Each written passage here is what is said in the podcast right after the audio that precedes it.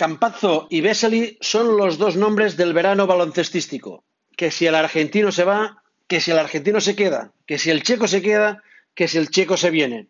A día de hoy, mi apuesta es que el Facu mueve ficha, pero el checo no ficha. A día de hoy, mañana ya tal. Al lío.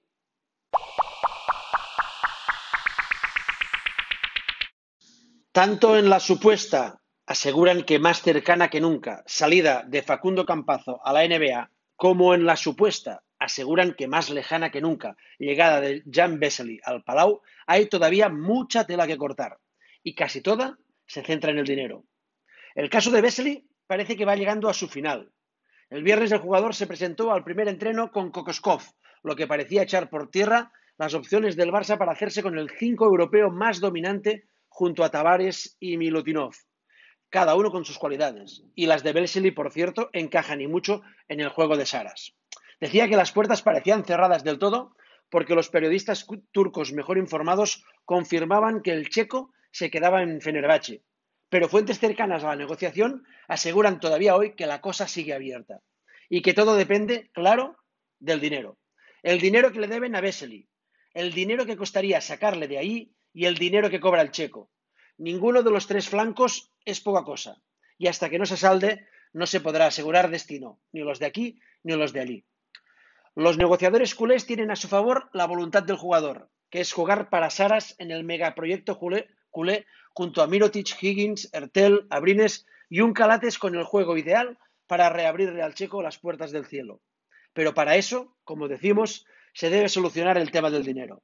Y si las cosas de Palacio van despacio, las del dinero en plena pandemia ya ni os cuento.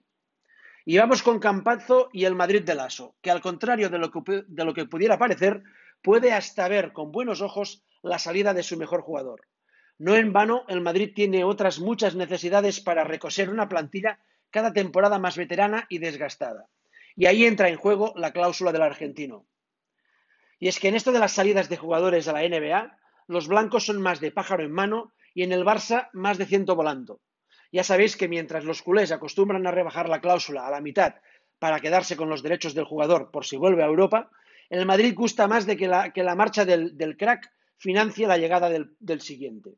Y en eso están ahora mismo con los 7 millones del base argentino, que deberían tapar el agujero de la cláusula de Avalde y del salario de Ante Cidic, que sigue a la espera de, rubricar su contrato mientras intenta que el Maccabi no acabe de colgar el teléfono por si acaso.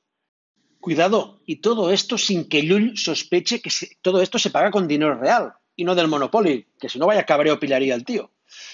Insisto en los fichajes uh, del Madrid porque el panorama actual no es el más halagüeño para un Pablo Lasso que no puede esperar ya de Llull milagros semanales, que debe dosificar a Rudy para poder exprimirlo en lo gordo, que sabe que Carroll está jugando la prórroga de la prórroga, que Taylor, le aporta pero ya menos, que Felipe está para lo que está, que de Randolph y Tompkins necesita cada vez más y ellos te dan cada día menos, que la Provítola se sabe suplente del suplente y que a Valde y a Locén ilusionan a la parroquia tanto como inquietan a su nuevo técnico, por el enorme salto que supone dirigir a un equipo obligado a ganar siempre.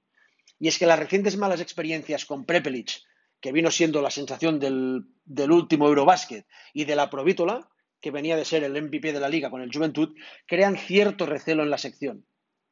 Así las cosas, Tavares y Garuba son la excepción en un roster en el que la mayoría ha dado ya lo mejor de sí. El caboverdiano está en el cenit de su carrera y Usman tiene confianza, constancia y, claro, mucha progresión. La triple A, Alocen, Avalde, ante Cicic, ayudará, sin duda, pero Lasso necesita una sacudida de mayor envergadura un par de jugadores de primer nivel que descarguen a las vacas sagradas y que se puedan echar el equipo a la espalda para disputarles la Euroliga a transatlánticos como CSK, EFES, Barça o Milán. En un verano en que los grandes aspirantes han seguido añadiendo rutilante talento a su roster, el Madrid de Lasso, seguramente el mejor equipo europeo del último lustro, no puede presentarse a lucharlo todo solo con la triple A.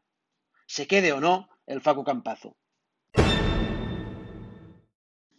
¿Sabéis la penúltima de Setién? Sí, hombre, ese entrenador al que Messi ha clasificado para los cuartos de la Champions. Bueno, pues la penúltima de Setién es ningunear a Arthur y trolear a Ricky y a continuación soltar en rueda de prensa que no somos tan buenos para controlar todo el partido. Cuidado, digo penúltima, porque en el momento que escuches el podcast ya habrá generado la última, que pasará a ser penúltima en unas horas. Ha sido ganar el MVP de la Serie A y recibir la Juve una importante oferta del Madrid por él, todo uno. Me cuadraría y mucho el fichaje de Paulo Dybala por el todavía equipo de Zidane.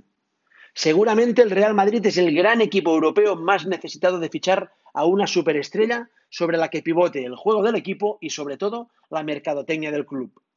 Por partes, se fue Cristiano y se llevó con él los goles y las Champions. Se acaba también Ramos, aunque las cagadas de Barán tengan para el de Camas un efecto rejuvenecedor.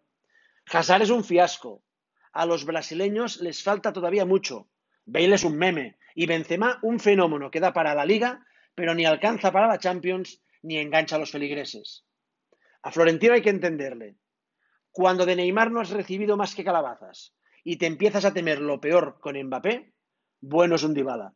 Y más si llevas 15 años soñando con agenciarte a un zurdo habilidoso argentino con el 10 a la espalda.